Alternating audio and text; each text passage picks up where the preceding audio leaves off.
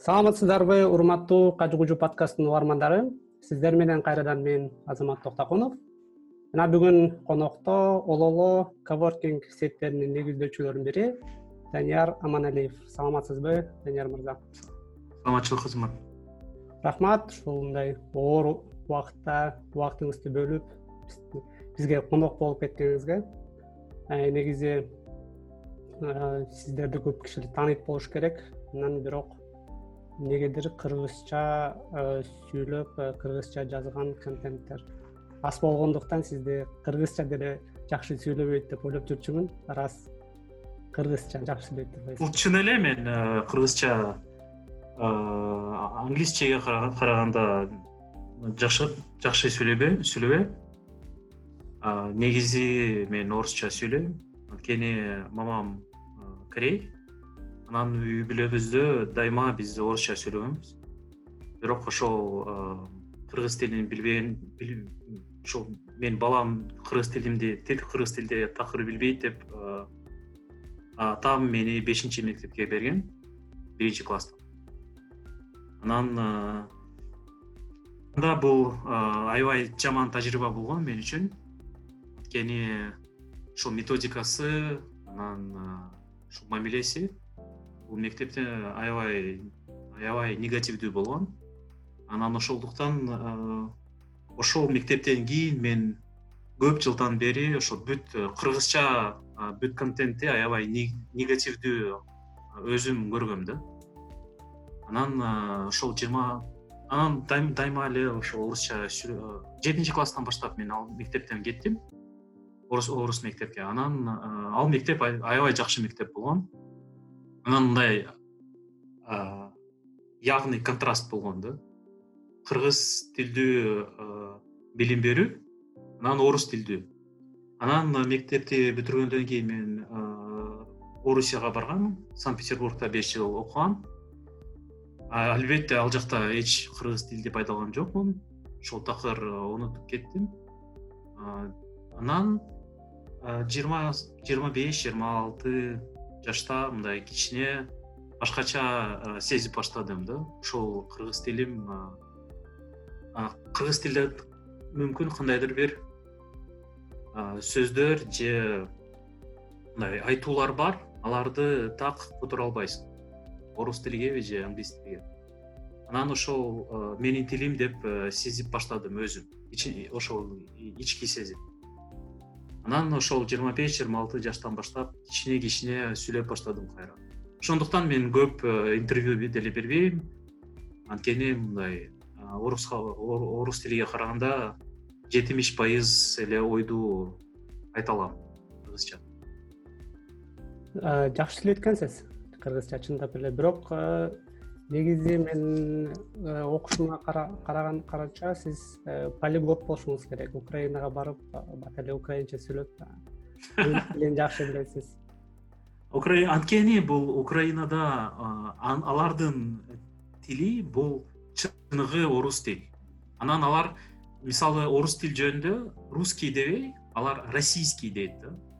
Анткени алардын көз карашы боюнча орусия бул киевден башталган орусия киевская русь.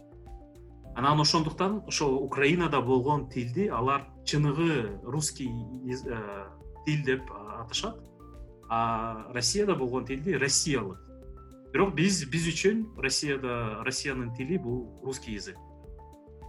А украиндыктар үчүн алар башкача. Анан украинага барганда мен көп э, көп көп сөздөрдү тез эле түшүнүп баштадым. Анткени бул э, мисалы мен э, бала бала кезимде көп окугам көп китептерди окугам. Анан ушул чыныгы мындай эски орус тилди мен э, кичине түшүнө алам. Анан бул украинанын тили бул ошол эски орусиянын тили деп эсептелет. Ошондуктан оңой эле түшүнүп баштайсың. Эгерде сен ошол көп китеп окуган болсоң андай болбосо албетте бүгүнкү мындай прикольно круто деген сөздү деле билген адамдар ал ал тилди түшүнө албайт. Тил жөнүндө сүйлөп баштап атабыз ырас уланта берсек деп ойлойм. Азыр ушу кыргыз тили колдонуп же кыргыз тилин үйрөнүп кыргыз тилинде контенттер өнүгүп бараткандай сезилет интернетте. Биринчиден бул интернеттин жайылышынын себеби анан экинчиден менин оюмча орусча сүйлөгөн специалисттер негизи эле баягы советтер союзундагы келген көп орусча сүйлөгөндөр иммиграция болуп көбүнчөсү россияга кетишти анан андан сырткары баягы германияга көп кетишти. Анан орусча насил тилдер аз болгондуктан дагы эми кыргыз тили көбөйүп баратат окшойт бул бир эле баягы мамлекетти кыргыз тилдештирүү маселе мындай рыноктон өзү эле ушинтип баратат окшойт э мүмкүн бирок мисалы мен үчүн эмне үчүн кыргызча сүйлөгөндө мен мындай жай сүйлөп атам. Анткени мен ушул кыргыз кыргыз сөздөрдү орус сөздөргө алмаштырбай сүйлөшкөнгө аракеттенем анткени мен үчүн бул бул мындай сый мамиле да бирок эмне үчүн мен мисалы айылдарга барганда алар менен сүйлөгөндө алар дайыма мени ай сен кыргыз эмессиңби ай сен эмне үчүн ушунчалык ушунчалык жаман сүйлөп атасың деп беришет. Бирок аларды уксаң алардын беш сөздүн бири орус сөз да анткени алар мындай просто деп эле ясно же понятно же деп айта беришет да? Анан ал жака звонок этип мен аларга мындай новость деп айттым ушинтип айтышат да. Мен үчүн бул аябай жаман мамиле. Анан кыргыз бул мен үчүн бул кыргыз тил эмес. Мен үчүн кыргыз тил бул алыкул осмонов сүйлөгөн тил. Мисалы чыңгыз айтматовду алсак деле ал кыргызча китептерди жазган жок. Ал орусча жазган бирок кыргыз тилине анын жердеши которгон анткени өзү ошол айтматов өзү мүмкүн ал мындай адабият деңгээлинде кыргыз тилим жетишпейт деп ойлогон. А бирок биз бүгүнкү учурда мындай аябай урматсыз мамиле менен ушул тилибизди колдонуп атабыз ошол үчүн мен үчүн дайыма бул кыргызча сүйлөгөндө бул мен үчүн аябай чоң чакырык. Анткени ошол орус тилди пайдаласам бул мен үчүн кандайдыр бир мен жаман сезем да ал үчүн. Бишкекте негизи бизнес анан илимий чөйрө интеллигенция көбүнчө орусча сүйлөйт анан э, кандай деп ойлойсуз? Ушул кыргыз тилин э, кандай кандай карайсыз да? Мисалы айылга барганда ай сен кыргызча сүйлөбөйсүңбү деп э, ушундай бир ой бар да? А бизнесте жегеле ушу интеллигенцияда кыргыз тилин көтөрүш керек же кыргызча сүйлөш керек депчи мамлекеттин атынан эмес интеллигенция өзү ошого тартса бул кандай жакшы көрүнүшпү же бул баягы патриоттук деп кавычкада жөн гана кыргыз тилин сактайлы деген сөзбү мен үчүн бул мындай да мен дайыма мындай жасалма жасалма мамиле мамилелер жасалма мамилени жаман көрөм. Анткени негизи тил өзү керек жок болсо ал өлүп баратат анан бул мындай ошол бул нормалдуу жол. Ошол үчүн мен үчүн бул биздин өкмөт жасаган же биздин мамлекет өкмөтүбүздүн мамилеси бул аябай жасалма мамиле деп эсептейм. Бирок бизге чындыгында биздин тилибиз биз үчүн керек анткени ошол тилди пайдалаганда гана биз ошол чыныгы кыргыз маданиятын түшүнө алабыз деп эсептейм. Бул маданиятты жана бул салттарды чыныгы түшүнүп бул биз үчүн аябай маанилүү. Анткени бүгүнкү учурда биз биз ошол бул дүйнөдө биздин жаңы жолубузду табышыбыз керек биз кытайлык кытайлыктардай боло албайбыз германдыктардай боло албайбыз орустардай боло албайбыз америкалыктардай боло албайбыз. Биз мисалы алардын жолун менен так барсак биз бул аябай биз үчүн бул аябай жасалма жол болот. Анан биз анда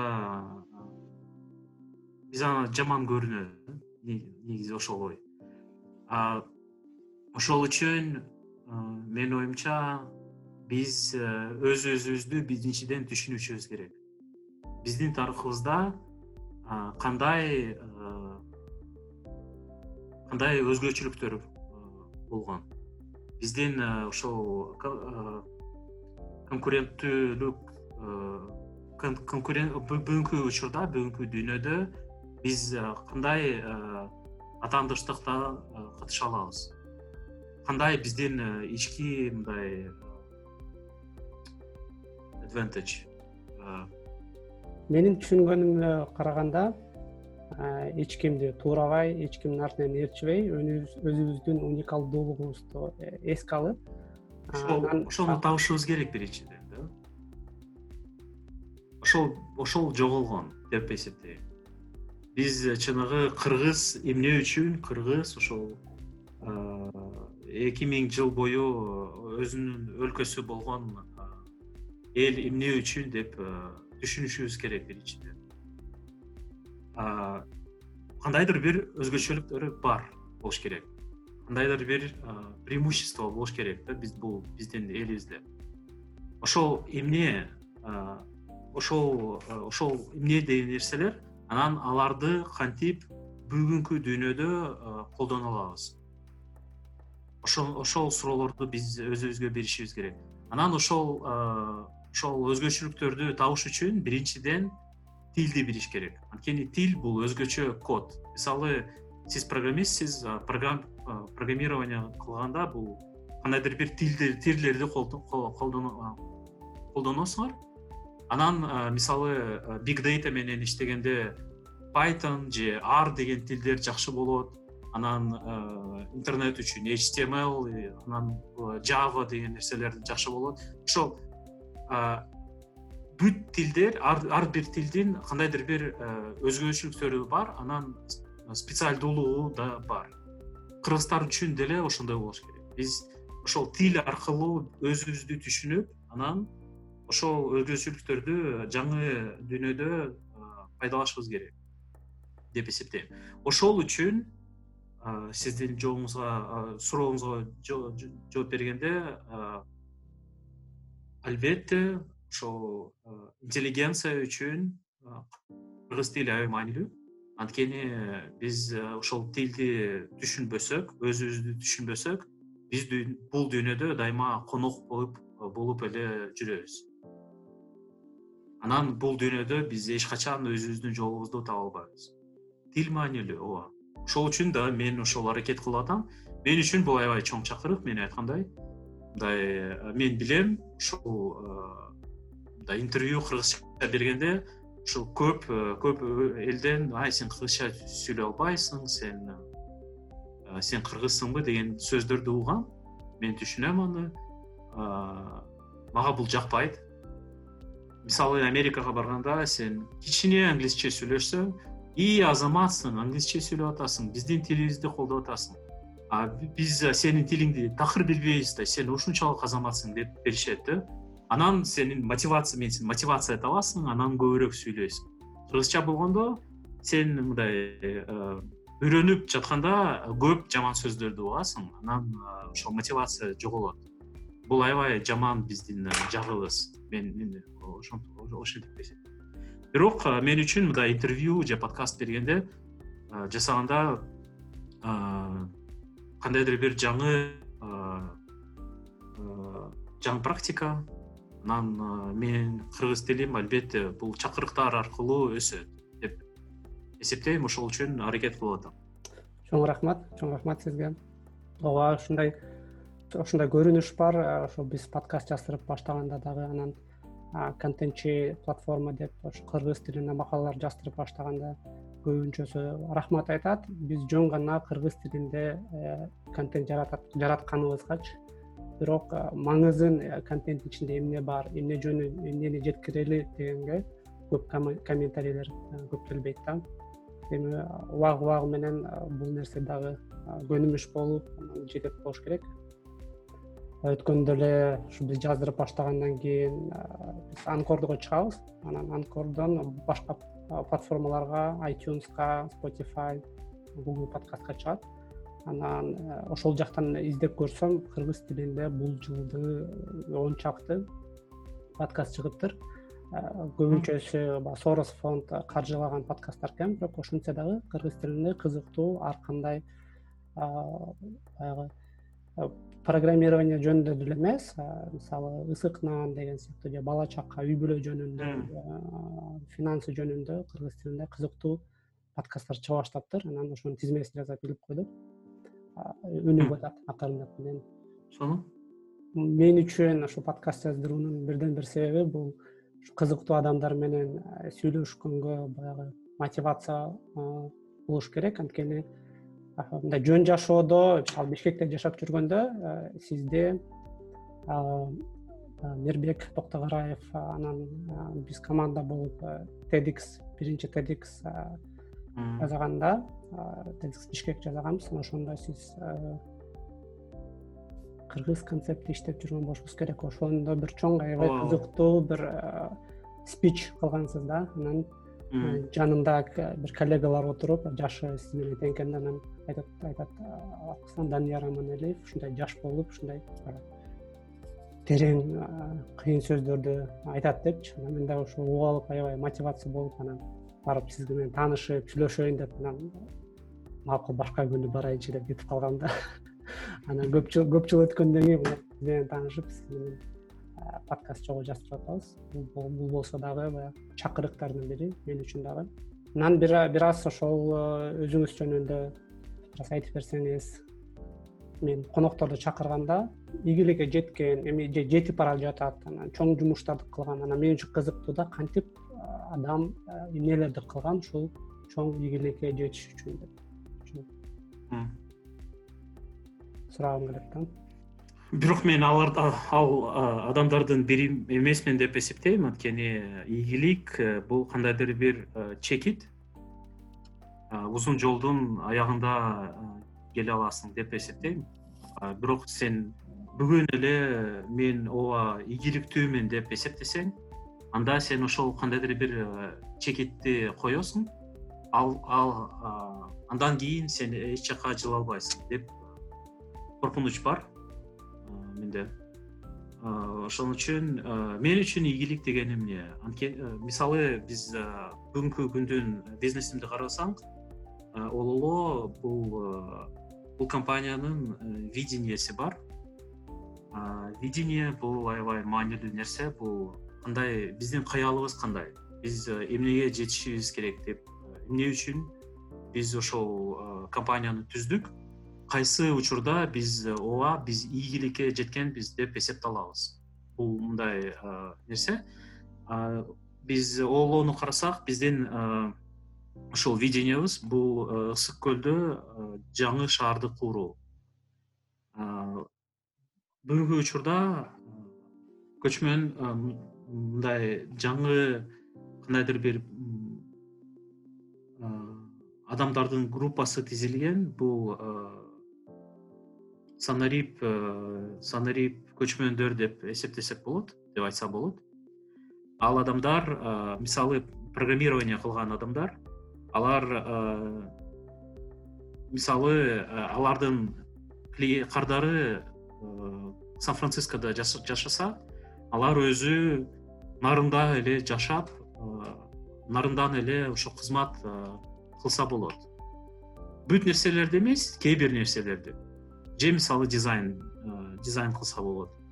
Анан ушундай адамдардын саны аябай өсүп атат дүйнөдө. Анан э, кээ бир э, изилдөөлөр боюнча ал андай адамдардын саны эки миң отуз бешинчи жылы бир миллиардка жетет деп деген изилдөөлөр бар. Анткени бүгүн биз көрүп атабыз аябай чоң өзгөчөлүк мындай аябай чоң өзгөрүүлөр болуп атат. Особенно вот бүгүнкү учурда. Анткени мына мисалы биз сиз менен бишкекте жолуккан жокпуз. Бирок сиз германияда отурасыз мен бишкекте отурам биз азыр жолугуп атабыз ушул зум аркылуу.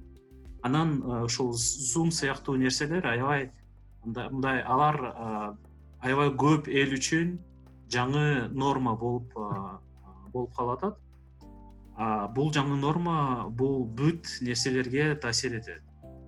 Анан ошол бир шаарда жашап башка шаарда жайгашкан кардар үчүн иштөө бул бул деле жаңы норма болуп атат. Мисалы биздин балдарыбыз бүгүн мектепте онлайн аркылуу окуса мисалы менин балдарым алар эл аралык мектепте окушат алардын мугалими америкадан. Бүгүн ошо ал адам анын атасы ооруп калды. Ал бишкектен кетип азыр ошол балдарга америкадан сабактарды берип атат. Андай болсо бул жакшы иштесе анда мүмкүн эртең ал иштеп алса иштебесе силер австралиядан жакшы мугалимди таба аласыңар же түштүк кореядан мугалимди таба аласың. Бул жаңы дүйнөдө ушул жаңы мүмкүнчүлүктөр аябай кызыктуу. Анан ошондой санарип көчмөндөрдүн саны өсүп атат. Ал адамдар үчүн биз ысык көлдө шаарды курсак. Анан алар ошол ысык көлгө келип сонун жерде жашап сиз билесиз мисалы ысык көлдүн эң жакшы жагы бул уйку ысык көлдө дайыма жакшы уктап атабыз. Бул э, үч саат төрт саат э, уктасаң деле сен аябай жакшы сезип атасың. Анан бул мындай ысык көлдө уктоо бул аябай мындай таттуу да. Аябай э, аябай жакшы көрөсүң сен ошол уйкуну. Бирок биз бүгүнкү дүйнөдө уйку бул аябай чоң аябай чоң көйгөй. Көп адамдар аябай аз жашап атат ысык көлдө болсо бул э, алар кайра ушул уйкуну таба алат анан экинчиден бул аябай кооз жер аябай кооз э, көл. Анан сен ошол көлдө жүрүп э, сен тоолорду да көрө аласың. Бул аябай уникалдуу нерсе. Анан ошол үчүн биз ысык көл бул азияда эң жашоо үчүн эң сонун жерлердин бири деп эсептейбиз. Бирок биз ал жерди бүгүнкү учурда аябай туура эмес пайдаланып атабыз деп эсептейм. Анткени биз ошо эс алуу үчүн пайдаланып атабыз эс алуу үчүн келген адам ал бир эле жумага келет. Мага чейин деле көп адам бул жерде болгон. Менден кийин деле көп адам бул жерде болот. Мен кандайдыр бир таштандыкты калтырсам эчтеке эмес деп эсептейм бул эч эч көйгөй эмес башкалар деле ошентип кылышат деп эсептейт. Анан биз ошол биздин кыргызстанда жайгашкан эң эң чоң баалуулукту биз ушунчалык жоопсуздуу жоопсуз жол менен пайдаланып атабыз деп сезип атам а бирок адамдар ал көлгө эс алуу үчүн эмес жашоо үчүн келсе алардын көлдө көлгө мамилеси такыр башка болот деп эсептейм. Анан бул биринчи а экинчи бүгүн бүгүнкү учурда бул ошол мисалы санарип э, көчмөндөрдү карасак алардын маданияты да башкача. Алардын маданияты боюнча алар мисалы этти азыраак жейт алар йога кылышат алар э, эч таштандыктарды калтырбайт алар э, жарыкты дайыма э, өчүшөт анан мындай экологияны аябай сактайт да анан көп спорт кылат. Андай адамдар үчүн ысык көл бул аябай сонун жер. Биз ошол нерсени курсак мындай мен шаар дегенде эмне үчүн шаар? Анткени андай адамдар үчүн бүт инфраструктура керек алар үчүн отель керек алар үчүн коворкинг офистер керек алар үчүн алар балдар менен келсе ошо балдар үчүн мектеп керек алар кандайдыр бир кофейняга барышат алар кафе ресторандар керек аларга ооруканалар керек. Анан ошол бүт инфраструктураны курбасаң алар келбейт да. Ошо алар бүт жактан сен ошол бүт жактан ошол бүт кызматтарды беришиң керек бир жерде. Анан бул кызматтар алар шаардын ичинде эле беришет деп биз дайыма билебиз. Мисалы сен бүгүн курортко барсаң ысык көлдө сен көп нерселерди таба албайсың мисалы мектептерди же оорукананы. Ысык көлдө ооруканалар аябай жаман. Ошол үчүн э, биз үчүн э, биздин максатыбыз э, бул ошол шаар.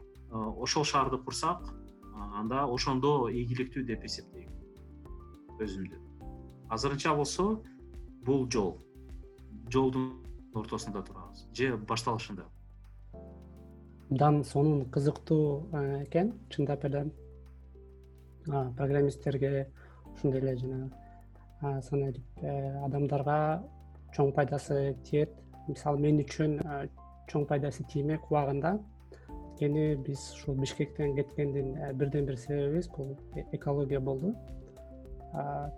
Төрт жыл мурун экология азыр кандай экенин билбейм бирок интернеттен окуганда баягы кышында аябай кирдеп кетти чаңдап кетти деп аткан. Бирок төрт жыл мурун эле биз жашап жүргөндө менин уул балам төрөлгөндөн баштап эле ооручу аллергия болуп ошол чаңдан дем ала албай өпкөсүнө түшүп бир доктордон экинчи докторго жүрчүбүз. Анан ушу ысык көлгө барганда эле оорубай калчу айыгып бирок ысык көлгө көчүп кетели десек чындап эле ал жакта эч нерсе жок инфраструктура жок. Анан бизнестин баары бишкекте.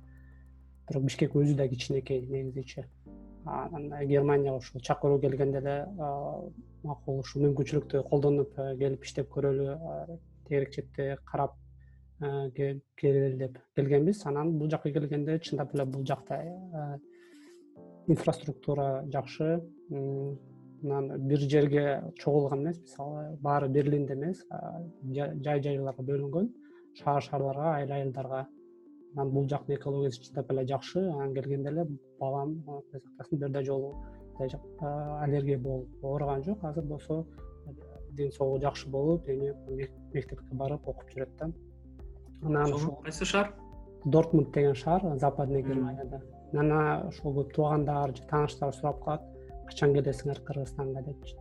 Анан эми баралы эле деп эле ойлонуп атабыз. Бирок барганда баягы эле э, былтыр келинчегим барып келди. Барганда кайра эле ооруп баштайт дем ала албай калат айла жок жок эми чоңойсун бияка келсин деп биякта жашап атабыз да ийгилик каалайм анда. Сизден албетте ишенем. Жасайт экенсиңер деп анткени тааныштарым да сурап калат туугандарым да силер баягы бир нерсе билген үйрөнгөн кишилердин баары эле кетип атасыңар чет жака же келбейсиңер өнүктүрбөйсүңөр дейт. Анан айтам. Бизден башка деле адамдар бар. Кыргызстанды өнүктүрүп аткан көп кишилер. Мисалга данияр аманалиев коворкинг центрлерди куруп атат бишкектен куруп атат азыр оштон куруп атат мага да жаңылык болуп атат ушул ысык көлдөн шаар курат деп келечекте ошол акыркы максат. келечекте бул биздин долинабыз болуп калат болуш керек. Ошол эле ошол эле ой ошол эле ой. Мындай дүйнөдө бүгүн өнүгүү мындай жай жайгашкан эмес. Алар ал өнүгүү кандайдыр бир эпицентрлердин арасында аябай чоң өнүгүү болуп атат мисалы германияны карасак бавария бул аябай чоң аябай маанилүү экономикалык жер.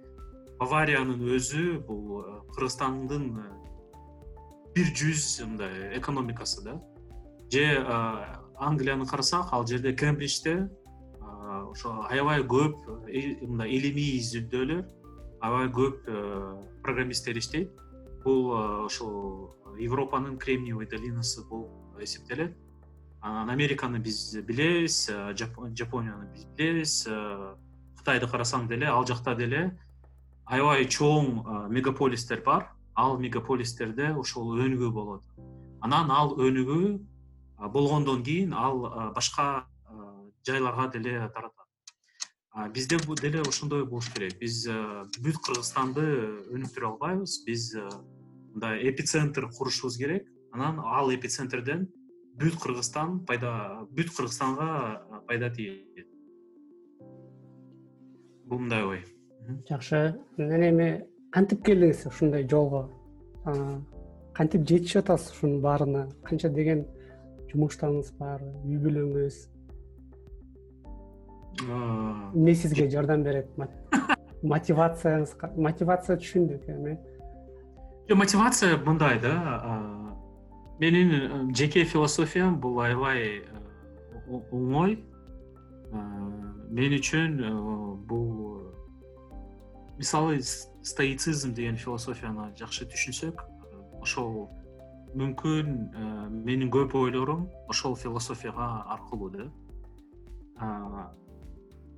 ал менимче биз бул дүйнөгө эч максат менен келген эмеспиз. Мисалы мен өзүм атеистмин мен үчүн бул динге жакын адамдар үчүн бул башкача. А мен үчүн бул мындай да. Эч кандай маани болгон жок эч кандай максат деле жок. Бул жөн эле ошондой случайная выборка да болуп калды. Мен эмне үчүн төрөлгөм бул случайность анан э, мен ошол дүйнөгө келсем э, бул маанисиз болсо анда мен эч качан э, бактылуу боло албайм. Анткени биз адамдардын мааниси мээси мындай курулган. Биз бүт бар бүт нерселерди түшүнүшүбүз керек. Биз бир нерсени түшүндүк биз ал нерседен коркуп атабыз мисалы лгбт жөнүндө эмне үчүн мындай аябай негативдүү көп сөздөрдү ойлорду угуп атабыз. Кыргызстанда анткени адамдар бул нерсени жакшы түшүнбөйт. Анан ошол илимий изилдөөлөрдү карабайт. Эч мындай ошол билимди алыш үчүн эч кандай аракет кылышпайт.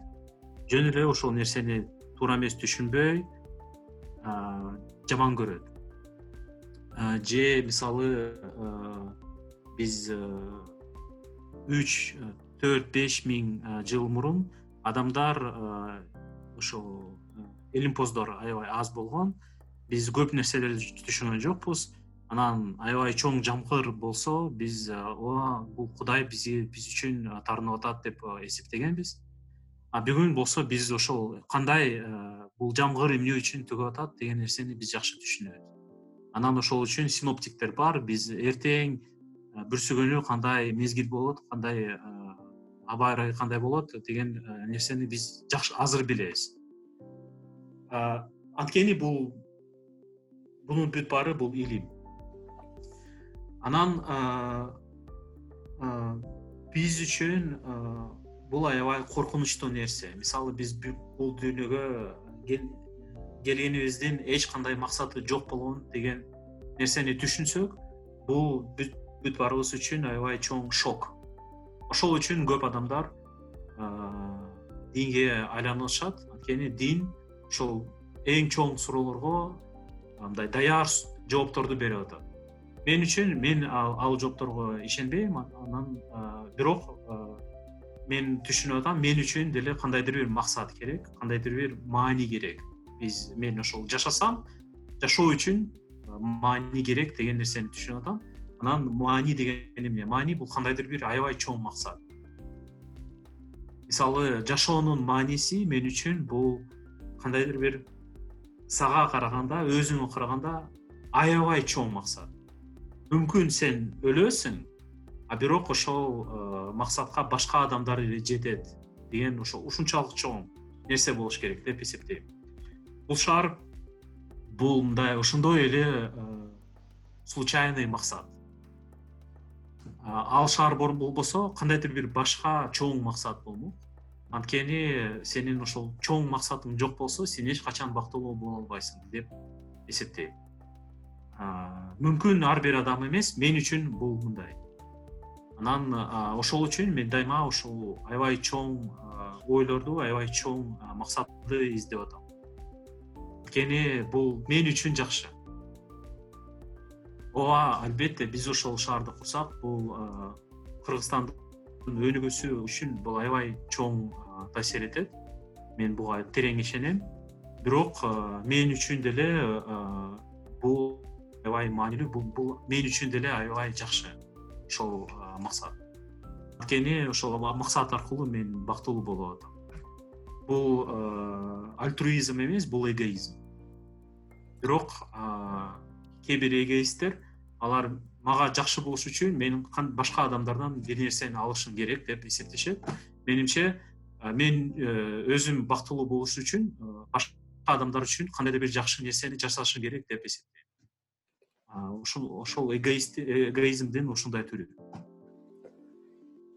Ийгилик ийгилик деп азыр элдин баары эле ушул ушул нерсени ойлоп калбадыбы анан кызыктуу экен абдан стоиктер жөнүндө стоицизм философиясы жөнүндө кызыккандар болсо данияр аманалиевдин инстаграмда болуш керек ошол жакта. Жок ютубта жана фейсбук ютубта жана фейсбукта коноктор ишемби саат он бирде конокторду чакырып айтып берип жатат. Кызыккандар болсо кирип көрүп коюңуздар. Мен үчүн да кызыктуу болгон бирок айтып кеткендей бир аз коркунучтуу турат да. Анткени эмнеси болсо дагы баягы кичинекей кезибизде биздин салттар менен өсүп калганбыз. Анан кээде башкача ойлонгондо коркуп кетесиң да ошол коркуу коркуу мүнөзү менен эле жашап жүрүп бир туура эмес жашоо жашап аткандай сезилет да. Анан мага ачылыш болуп орустун психологу психотерапевт популярдуу кылат азыр андрей курпатов деген китептерин окуп калдым. Красная таблетка деген анан ошол ошол китепте дагы ушул ушундай бир маанилер бар экен да. Бул биз биздин жашоо биздин жашообуз бул э, айтып кеткендей эле случайность кыргызстанда төрөлүп калдыкпы же африкада төрөлүп калдыкпы бир жерде төрөлүп калмакпыз. Анан бир күнү сүйлөйбүз да бул жөнүндө биология химиялык эле молекулалар жүрө берет. Анан биз өзүбүзгө кызыктуу болуш үчүн жашообуз кызыктуу болуш үчүн ушундай көп нерселерди ойлоп чыгып окуйт экенбиз да. Анан ошол мен дагы угармандарга совет айтат элем ошону окуп көрүңүздөр. Эгерде стоицизм философиясы оор болуп баратса ошонукун окуп көрсөңөр ал мындай биздин тилге жакыныраак кылып жазыптыр. Интернетти колдонуп социалдык сеттерди колдонуп сиз эмне үчүн маалыматты мынча көп алабыз. Азыр эмне үчүн социалдык сеттерде ленталарга жабышып калганбыз анан эмне үчүн биз азыр өзүбүздү өзүбүздүн жашообузду туура эмес жашап мындай адашып кетип атканыбыз жөнүндө айтып берген экен абдан кызыктуу. Рахмат. Эми коворкинг боюнча бир аз сүйлөшсөк. Кантип кантип ушул идея келди коворкинг ача туруп мен сизге дагы бир айтып кетейин ушул жерден. Бишкекте жүргөндө алина жетигенова мирбек токтогораевдерде болуп бир э, токтогула көчөсүнөн дом сто шестьдесят три деп ачканбыз. Кичинекей квартира квартирант аларга сайт жасап берип анан бишкекте мен жашап жүргөндө абдан кызыктуу болуп көп кишилер келчү да. Анан лофт ачылды. Лофтко дагы ушундай аракет көрсөтүп элдерди чогулткан бир э, хаб болмок. Анан ушинтип майда чүйдө коворингтер ачылып жабылып атып анан мен кеткенден кийин ооба ачылды. Азыр э, көбүнчөсү ошол жака э, келишти окшойт. Кантип ушундай идея келди? Кантип ишке ашырдыңыз ушундай чоң нерсе? бул мындай болгон да бул деле случайность. Жөн эле бир күнү биз башка бизнести жасаганбыз негизи биз ошол искусство адамдарды искусствого үйрөткөнбүз искусстводу мисалы пианино черткенди же ойногонду же э, э, э, ырдап бергенди үйрөткөнбүз же гитараны черткенди үйрөткөнбүз. Ушундай нерсени жасаганбыз эки миң он алтынчы жыл. Ал ал анын негизинде деле аябай максат болгон. Анан биз ошол бизнести бир он миң сомдон баштаганбыз. Эки миң он алтынчы жылдын биринчи февралында.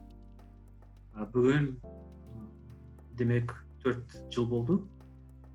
Ошол учурда бизге көп адамдар жок бул кыргызстанда искусство эч кимге керектүү эмес деп э, айткан силердин оюңар бул аябай чоң авантюра же башка адамдар болсо келип искусство бул бекер болуш керек эл үчүн деп айтышкан. Мага кээ бир адамдар чалып ошол нерселерди айткан. Бул аябай кызыктуу болгон эмне үчүн адамдар өз убактын ошого таратып беришет таң калган. Анан бир учурда биз ушунчалык тез өскөнбүз башынан биринчи айда эле. Анан ушул тез өскөндөн кийин э, өскөндөн кийин биз биздин кичинекей студиябыз толуп калды. Анан бизге жаңы жаңы офис жаңы имарат керек деп түшүнгөнбүз. Анан ушул убакта бизге аябай чоң бишкектин борборунда жайгашкан аябай чоң жер сунушталган. Ошол жерде биз э, жерге келсек э, биздин студиябыз үчүн бул өтө чоң. Эки миң квадрат метрден ашык болгон жер болгон офис. Анан э, ушул калган калган жайды биз кантип пайдалансак болот? Болмок деп ойлошконбуз. Анан бизге окшогон башка стартаптарды баштаган мындай аябай билимдүү адамдарды чогултсак бул биз үчүн аябай кызыктуу тусовка болот деп ойлогонбуз. Анан бул нерсе коворкинг деп аталганын биз ошодон кийин биз түшүнгөнбүз негизи эч качан ушул коворкинг ачалы деген ой жок болгон. Мындай болуп калды. Естественным путем дегендей. Анан э, ошол нерсе өсүп баштады. Бул э, көп мындай аябай билимдүү адамдар бир э, бир жерде иштегенден кийин бул аябай кызыктуу аябай мындай өзгөчө атмосфера болгон ал жерде. Анан биз адамдар үчүн кандайдыр бир иш чараларды уюштуруп баштаганбыз. Анан ичинде отурган адамдар үчүн гана эмес сырттан келген адамдар үчүн деле иш чараларды уюштуралы деп ойлогонбуз мисалы биз биз ал нерсени бүгүнкү күндө эле деле жасай беребиз. Биз мисалы эки миң он тогузунчу жылы биздин коворкингтерде жети жүз элүүдөн ашык иш чаралар өткөн. Ал иш чараларга жыйырма бир миңден ашык адам келген. Анан бул бүт иш иш чаралар бул кандайдыр бир билим берген иш чаралар. Бул жөн эле жөн эле тусовка эмес бул аябай мындай адамдардын өз өнүгүүсү үчүн аябай маанилүү иш чаралар.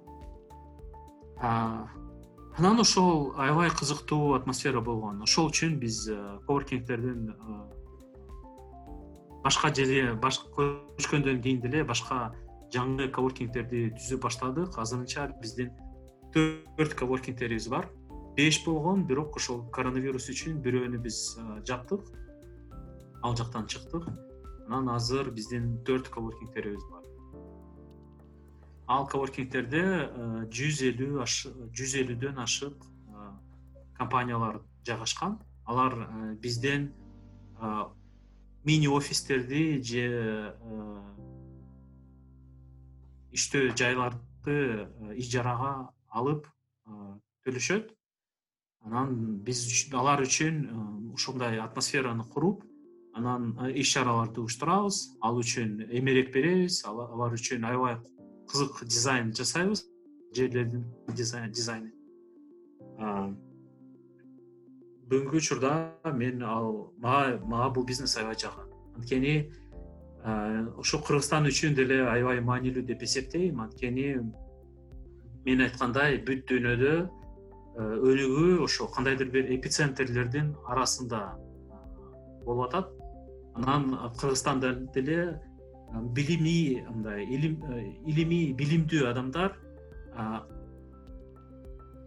көп жерлерде жайгашпай кандайдыр бир чоң жерлерге чогултуп иштесе бул жерлердин өзүнчө аурасы өзүнчө атмосферасы алар үчүн деле аябай чоң жардам берет.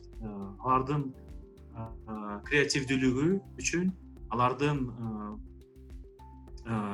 эффективдүүлүгү үчүн аябай чоң жардам берет деп эсептейм. Аны мен өзүм деле сезип атам көрүп ошол үчүн биз кыргызстанда жашаган эң билимдүү эң креативдүү адамдар үчүн иштеп атабыз.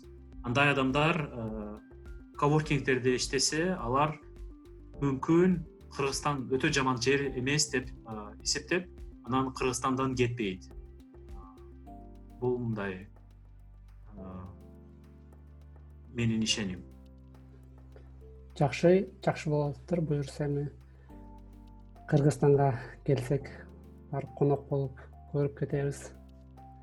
Келгиле сиз башында айтып кетпедиңизби жанагы маданият жана андай музыка анан эмелер жасаганда элдер чалып буга акча төлөнбөш керек бул бекер деп айтпадыбы анан негизи мунун жазып аткан нерсеңиздин баары бул бизнес да. Сиз бизнесмен катары иштеп жатасыз. Анан бизде дагы деле болсо жаман көз караштар бар түшүнбөйт. Мисалы коммерсант бул алып сатар арзан алып анан кымбат сатат анан бир нерсенен жасасаң акча сурасаң жаман көрүшөт да. Эмнеге акча сурап атасың бул бекер болуш керек депчи негизи ушундай бизнестин коомго пайдасы эмне үчүн бизге бизнесмендер керек? Ошол жөнүндө. Буюрсак эми бул мындай бул дүйнөдө ар кандай жолдор бар. Мисалы базар экономика деген жол бар. Же социализм деген жол бар. Же анархия деген жол бар же диктатура мындай түндүк кореянын жолу деле бар. Мисалы туркменистандын жолу деле ошондой. Таджикистанды карасак ал жерде ар бир көчөдө ар бир имаратта президенттин чоң чоң портрети жайгашкан ошону мен өзүм көзүм менен көргөм эки миң он тогузунчу жылы анан ошондой ар түрдүү жолдорубуз бар. Биринчиден биз ошол жолубузду тандашыбыз керек. Биздин э, чоң көйгөйүбүз бул биз кыргызстанда ошол жолду биз өзүбүз э, таба элекпиз биз өзүбүз таңдай элекпиз түшүнө элекпиз деп эсептейм. Э, биз совет советтик убагына чейин биз феодализмде жашаганбыз. Анан феодализмден кийин бүт өлкөлөр ушу капитализмге өткөн бүгүнкү өнүккөн өлкөлөр. А бирок биз ошол россиянын бир россиянын ичинде болгондон кийин биз алар менен чогуу ошол социализм жолу менен барганбыз. А социализмде албетте ар бир ишкер бул бул аябай жаман киши. Бул киши жумушчулардан ошол тапкан пайданы жумушчуларга бербей өзүнө алып атат деген аябай чоң ишеним карл маркс ал жөнүндө жазган китепте капитал деген китепте а бирок биз базар экономиканын жолу менен барсак бул такыр башка жол ал ал жолду ал жол демократиялардын э, негизинде турулган. Анткени демократия жок болгон өлкөнүн ичинде чыныгы базар экономиканы кура албайсың деп э, бул түшүнүктүү. Мисалы биз бүгүн кытайды көрүп атабыз. Кытай бир жактан бул аябай э, көп өсүп атат. Анткени алар ошол базар экономикадан көп элементтерди алышкан бирок алардын эч кандай демократиясы жок. Анан бүгүнкү учурда алардын ошол политикалык институттары алар ушул жыйырма биринчи кылым үчүн даяр эмес деп бул биз бүгүн түшүнүп атабыз. Мисалы биз гонконгду карасак гонконгдо аябай чоң митингдер аябай чоң полиция менен талкуулар болуп атат кыргызстанда болсо биз базар экономиканы тандасак анда ишкер бул биздин жаңы манасыбыз. Социализм жолду тандасак анда ишкер бул биз үчүн аябай зыяндуу аябай жаман киши деп болот. Анан кыргызда ошо ар бир адамдын өзүнүн ой пикири бар. Бирок биздин мындай жалпы түшүнүгүбүз түзүлгөн эмес. Азырынчы азыркы убакта. Мен ошондой эле ойлойм. Биз бүгүн деле жакшы түшүнө албайбыз. Сталин мисалы бул жакшы адамбы же жаман адам. Ошол биз нерсе бул нерселерди биринчиден түшүнүшүбүз керек. Анткени өз тарыхын билбеген өз тарыхын изилдебеген эл кайра кайра эски каталарды кетирет биринчиден биз биздин тарыхыбызды чын талкуулашыбыз керек. Биз ошол алыс тарыхты албай эле мисалы эки миң онунчу жылдын окуясын карасак ошто болгон окуяны биз ал окуяны эч качан талкуулаган жокпуз. Биз ошол адамдар унчукпагыла деп э, эле чечкенбиз.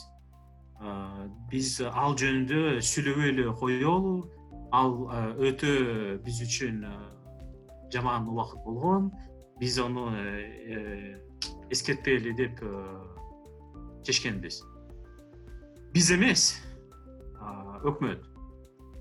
А мисалы руандада андай окуя бар болгон. Бирок ал руандада бир миллиондон ашык адамдар каза болгон бир жуманын ичинде. Бирок руанда ал ал окуядан кийин алар аябай чоң талкуулар кылган элдин арасында. Анан ошол талкуулар аркылуу алар жаңы чечимдерге жаңы түшүнүүгө кечиримге келишкен. Ошол үчүн руанда бүгүн жыйырма беш жылдан кийин бул э, африкада жайгашкан өлкөлөрдүн эң өнүккөн бири. Эң өнүккөн өлкөлөрдүн бири. Биз болсо биз ошол өзүбүздүн тарыхыбызды коркуп атабыз мисалы манас жөнүндө сүйлөшсөң жок жок жок манасты талкуулабагыла. Мисалы манас жөнүндө комикс жасабаш керек. Манас жөнүндө бир да фильм жок бүгүнкү учурда. Анткени ар бир режиссер ошол фильмди тарткандан коркот. Анткени ал фильмди тартса сөзсүз кандайдыр бир адамдар критиктер чыгат. Жок силер кандай ушундай биздин э, биздин манасыбызды силер э, ушундай көрсөтүп атасың. Ал э, идеалдуу эмес болуп калды деп айта беришет. Анан биз ошол көп нерселерден көп өзүбүздүн тарыхыбыздан көп нерселерден коркуп атабыз ошол үчүн бүгүнкү учурга чейин биз өнүккөн өлкө боло албайбыз анткени биз биринчиден ошол жолубузду тандашыбыз керек. Биз болсо бул жолду биз бир бир жактан биз ушул базар экономика базар экономикага баратабыз деп айтканбыз. Бирок чындыгында биз өкмөтүбүздү карасак алар ошол советтик мезгилде мезгилде болгон өкмөттөй эле иштей беришет.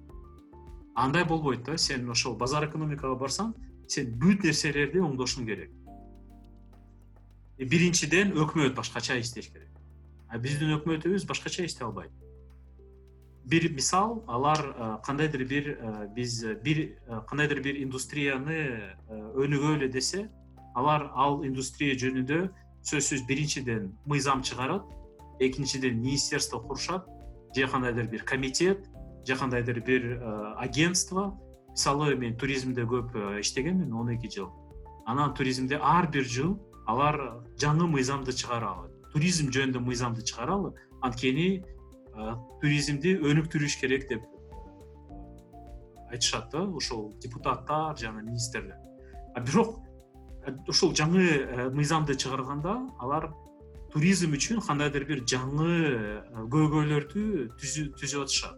Мисалы сертификация кылыш керек лицензирование кылыш керек деген чечимдерди алышат да. Анткени бир нерсени жазыш керек да ошол мыйзамда. Анан алардын түшүнүгү боюнча экономика өзү өнүгө албайт.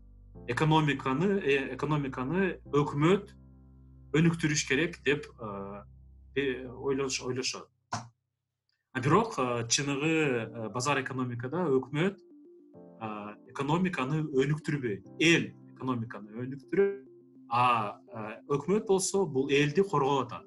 Анан бул элдин укуктарын коргоп атат. Биздин өкмөтүбүз бул нерсени түшүнбөйт. Ошол ошондуктан эл ишкерлер жакшы адамдарбы же жаман адамдар дегенди түшүнө элек анткени ал нерсени аябай мындай фундамент фундаментти пайдубал биз э, чечишибиз керек. Түшүнүшүбүз керек. Рахмат. Сизди угуп кичине оптимисттүү үмүттөр пайда болду. Мен ойлоп жүргөндө аба отуз жыл өттү биз болсо бузулгандан бузулуп кетип баратабыз деген ойлор келчү. Анан азыр болсо дагы деле болсо биздин жолубуз ачык экен дагы деле болсо көптөгөн мүмкүнчүлүктөр бар экен алар жабыла элек. Анан изилдеп өзүбүздү өнүктүрүп өзүбүздүн э, билимибизди кошуп анан тамдап өнүксөк болот деген үмүттөр экен эми. Акыркы бир э, теманы баштап атасыз мындай кошулуп кетейин ошол теманы өнүктүрүп. э, биз негизи эле подкастта саясат анан өкмөт жөнүндө көп э, сүйлөбөйбүз. Негизи эле бизнесмендер коркуп неметпеспи бизнесмен эми айтишниктер эми политика бизге тиешеси жок. Биз өзүбүздүн жашообуз бар деп. Анан менин көрүшүмчө билишимче ушул жылы өткөн жылы реакция деген болуп өттү. Бир экөө анан көптөгөн баягы балконскийлер деп коет эмеспи баягы көптөгөн катышпагандар чыгып үндөрүн чыгарып айтып атышат. Клооп азаттык деп. Дегенде көптөгөн макалалар жазып атышат анан. Менин көрүшүм боюнча сиз да арасында жүрдүңүз. Анан акыркы убакытта дагы өкмөт жөнүндө мамлекет жөнүндө кандай болуш керек жөнүндө макала жаздыңыз? Көчө мурун дагы баягы коронавирус жөнүндө да макала жазып атасыз ошондо биз эл кыргыз республиканын гражданиндери өкмөткө өзүбүздүн бар экенибизди айтып өзүбүздүн баягы оюбузду мнениябызды айтып аралашпасак анда өкмөт өзү эле бизди өзүнө каалагандай эле колдоно берет да.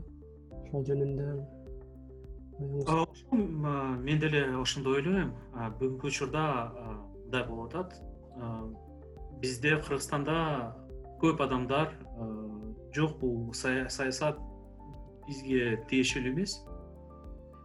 Биз ал жакта эч кандай таасир эте албайбыз. Биз өзүбүздүн ишибизди эле кыла берели. Ал саясат биз үчүн кызыктуу эмес деп эсептешет. Кээ бир адамдар ошол өкмөткө барып ошол саясаттын аябай активдүү катышуучулары болуп калышат. Анан кээ бир адамдар оппозицияга барышат. А мен болсо ошол ошол адамдарды мен көрүп атам. Бирок менимче биз үчүн мындай төртүнчү түр керек деп эсептейм. Бул түр бул активдүү билимдүү жаран эми бул мындай да билимдүү дегенде билим бул жөн эле маалымат эмес. Билимдин беш деңгээли бар.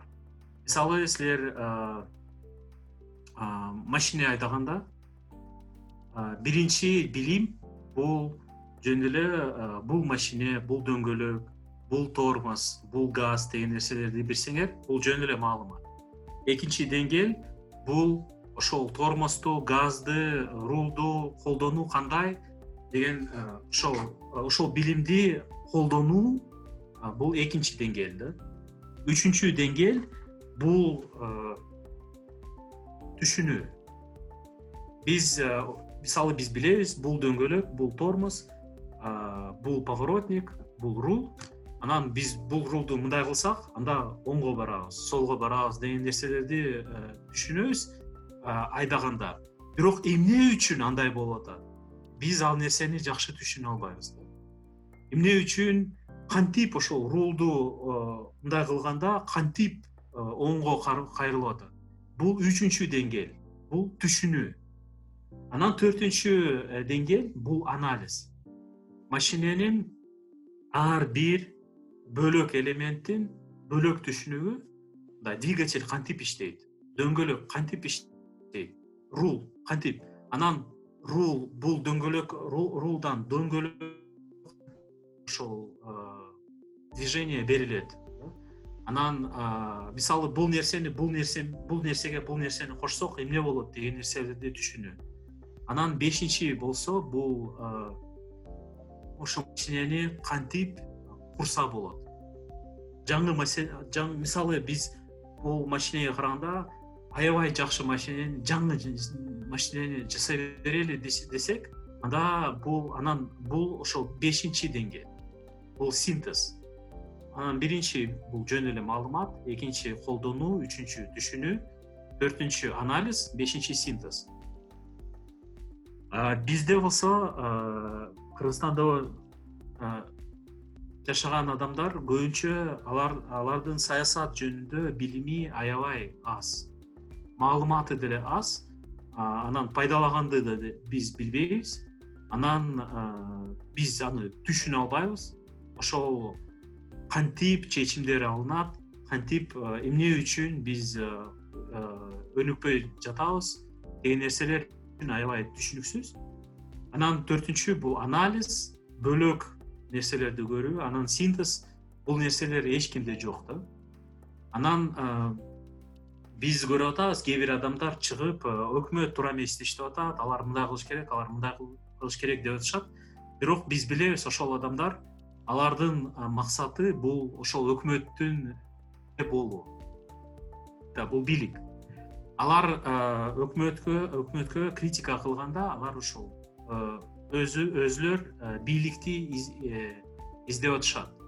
Анан мисалы мен бирөөгө критика берип анан ичимде менин мотивациям бул ошонун ордуна келип иштөө болсо анда бул конфликт интересов да.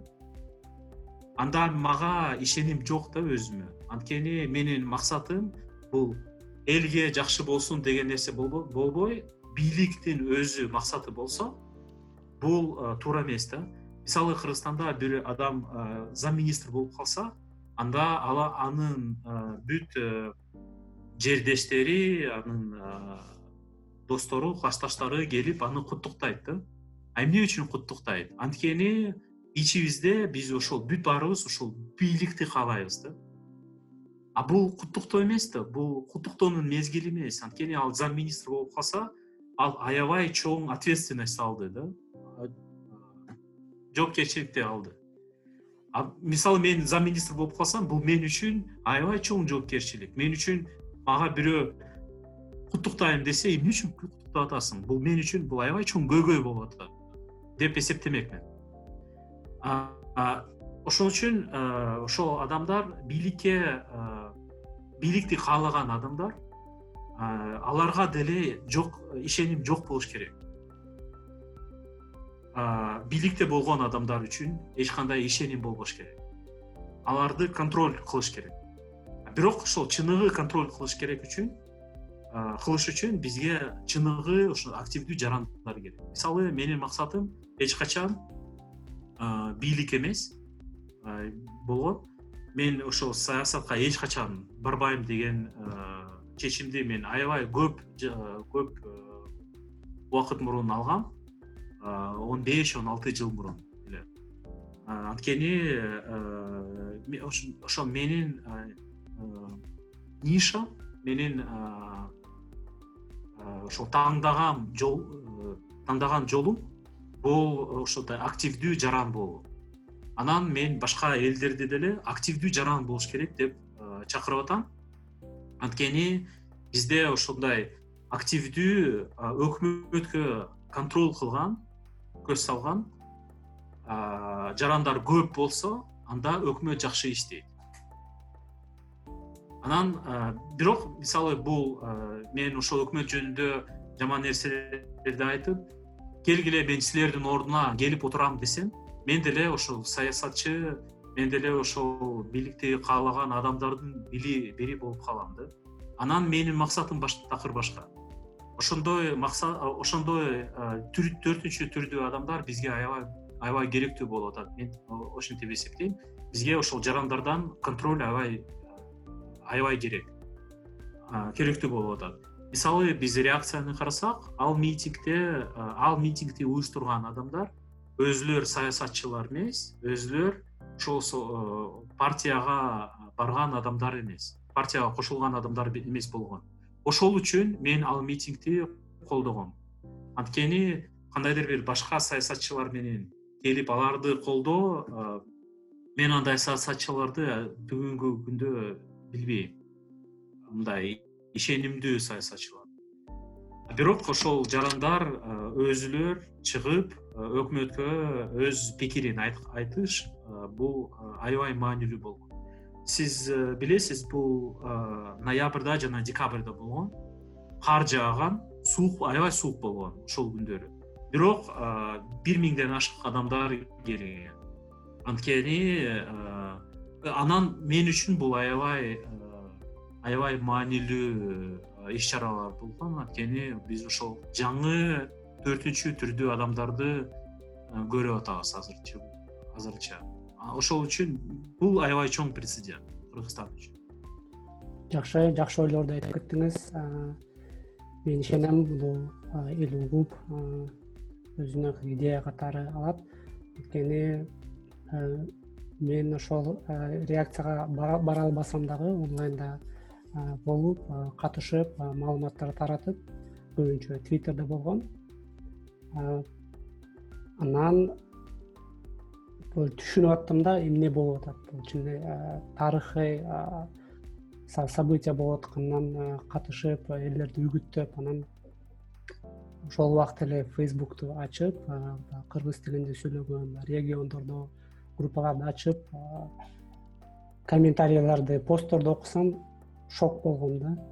Э, чындап эле эки эки э, башкача ой да. Э, баягы суукка карабай элдер коркунучка карабай чын бул аябай адам үчүн чыгыш оор да ошого карабай элдер катышып баягы сурап контролду сурап жатса фейсбукта таптакыр башка иш да. Таң калып эмне үчүн мындай болуп жатат деп анан ойлодум ушу кантип жардам берсем болот кантип ушул алыс жакта туруп өнүктүрсөм болот депчи анан байкап көрсөм акырындан баягы сиз айткандай төртүнчү колонна төртүнчү кишилерди көбөйтүш керек деген ойдо.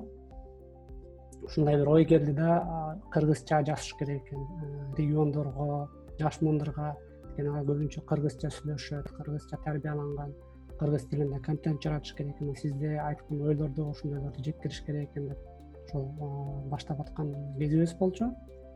Анан эми анткени баягы бишкекте орусча сүйлөгөндөр же орусча ойлонгондор аларды түшүнүп билет да. Биз азыр ушундай чоң кесилиште турабыз. Э, бул азыр биз бура албасак ошо менен таптакыр бул андан да жаман нерсеге өтүп кетиши мүмкүнбүз депчи мына азыр коронавирус болгондон кийин эле кайра көйгөйлөрдүн баары чыгып көрүнүп калды да. Кайсыл жерде бизде оор болуп атканын айта кетчү нерсем э, чоң рахмат сизге. Аябай андай ойлогондой эле жакшы бир ойлорду айттыңыз жакшы сөздөрдү айттыңыз. Эми бул ойлордун баары буюрса баарына жетип буюрса бир жылдарда да өнүгүп баштайт болсобуз керек. Көрөбүз? Рахмат бул маанилүү ооба ушул ушуну менен биздин подкаст аяктайт ден соолук каалайм оорубаңыздар үй бүлөңүздөр менен аман болуңуздар. Бул күндөр да өтөт. Анан кызык жашоо дагы келет.